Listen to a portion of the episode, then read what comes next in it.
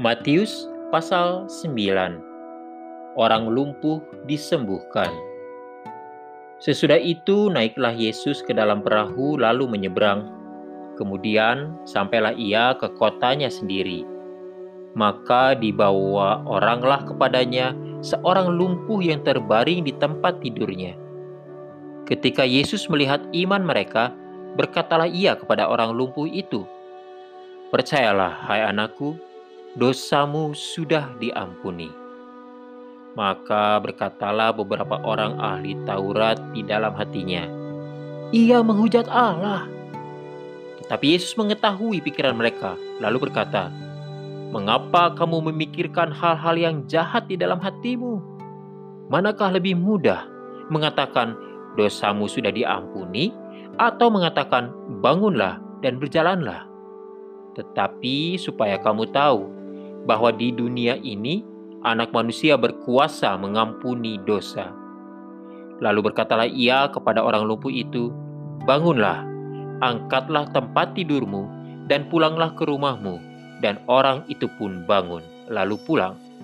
Maka orang banyak yang melihat hal itu takut, lalu memuliakan Allah yang telah memberikan kuasa sedemikian itu kepada manusia. Matius pemungut cukai mengikut Yesus. Setelah Yesus pergi dari situ, ia melihat seorang yang bernama Matius duduk di rumah cukai. Lalu ia berkata kepadanya, "Ikutlah aku." Maka berdirilah Matius lalu mengikut dia. Kemudian ketika Yesus makan di rumah Matius, datanglah banyak pemungut cukai dan orang berdosa dan makan bersama-sama dengan dia dan murid-muridnya.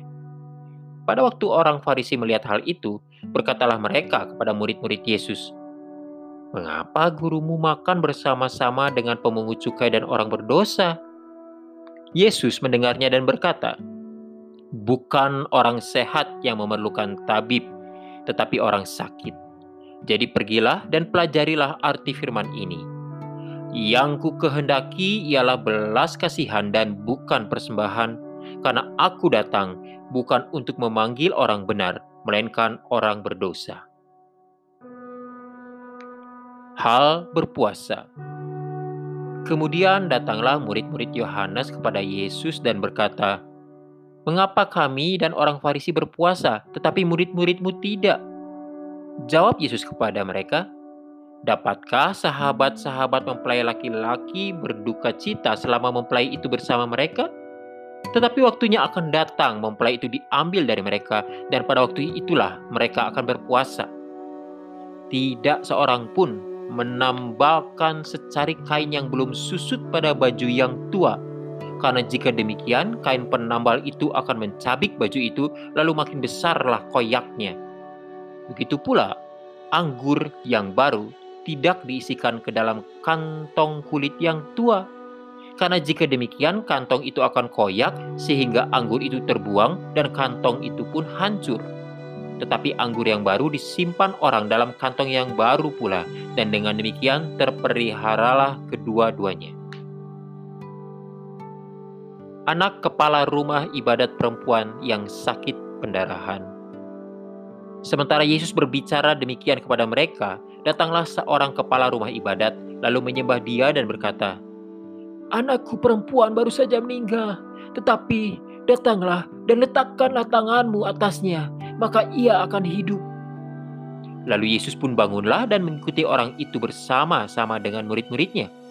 Pada waktu itu, seorang perempuan yang sudah 12 tahun lamanya menderita pendarahan maju mendekati Yesus dari belakang dan menjamah jumbai jubahnya. Karena katanya dalam hatinya, Asalku jamah saja jubahnya, aku akan sembuh. Tetapi Yesus berpaling dan memandang dia serta berkata, Teguhkanlah hatimu, hai anakku, imanmu telah menyelamatkan engkau. Maka sejak saat itu sembuhlah perempuan itu. Ketika Yesus tiba di rumah kepala rumah ibadat itu dan melihat peniup-peniup seruling dan orang banyak ribut, berkatalah ia, Pergilah, karena anak ini tidak mati, tetapi tidur. Tetapi mereka menertawakan dia. Setelah orang banyak itu diusir, Yesus masuk dan memegang tangan anak itu, lalu bangkitlah anak itu. maka tersiarlah kabar tentang hal itu ke seluruh daerah itu. Yesus menyembuhkan mata dua orang buta. Ketika Yesus meneruskan perjalanannya dari sana, dua orang buta mengikutinya sambil berseru-seru dan berkata, "Kasihanilah kami, hai anak Daud." Setelah Yesus masuk ke dalam sebuah rumah, datanglah kedua orang buta itu kepadanya, dan Yesus berkata kepada mereka, Percayakah kamu bahwa aku dapat melakukannya?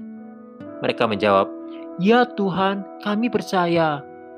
Lalu Yesus menjamah mata mereka sambil berkata, Jadilah kepadamu menurut imanmu. Maka meleklah mata mereka, dan Yesus pun dengan tegas berpesan kepada mereka, katanya, Jagalah, supaya jangan seorang pun mengetahui hal ini, tapi mereka keluar dan memasyurkan dia ke seluruh daerah itu.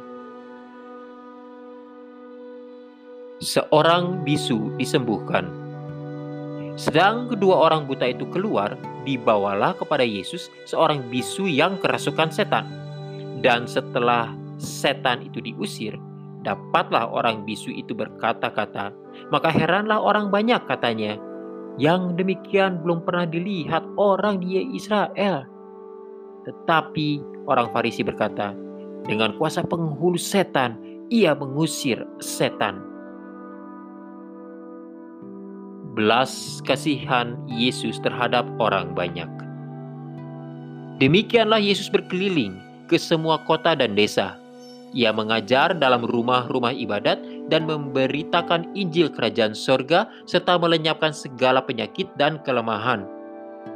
Melihat orang banyak itu, tergeraklah hati Yesus oleh belas kasihan kepada mereka, karena mereka lelah dan terlantar seperti domba yang tidak bergembala.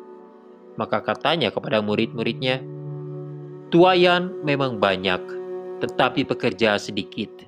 Karena itu, mintalah kepada Tuan yang empunya tuayan, supaya ia mengirimkan pekerja-pekerja untuk tuayan itu.